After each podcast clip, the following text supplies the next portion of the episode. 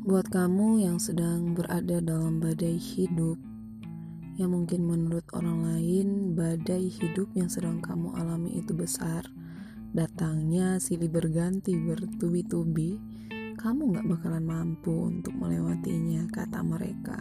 Kamu gak bakalan bisa untuk mengatasinya. Tetapi meskipun dalam badai hidup yang secara kedengingan membuat kamu menderita, membuat kamu ingin protes, yang membuat kamu bertanya-tanya dalam diri kamu mengapa ini terjadi dalam diri kamu. Coba deh kamu sadari dari sisi rohaninya. Ketika kamu sadar bahwa Yesus ada beserta dengan kamu, tinggal di dalam kamu.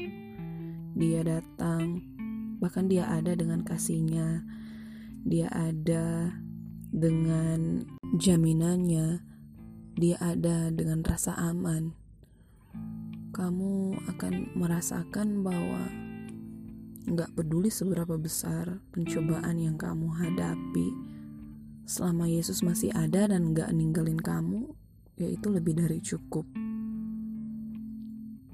itu lebih dari cukup.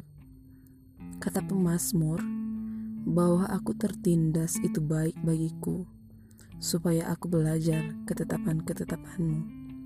Terima kasih telah mendengarkan podcast yang singkat dari House of Prayer. Hope Tuhan Yesus memberkati.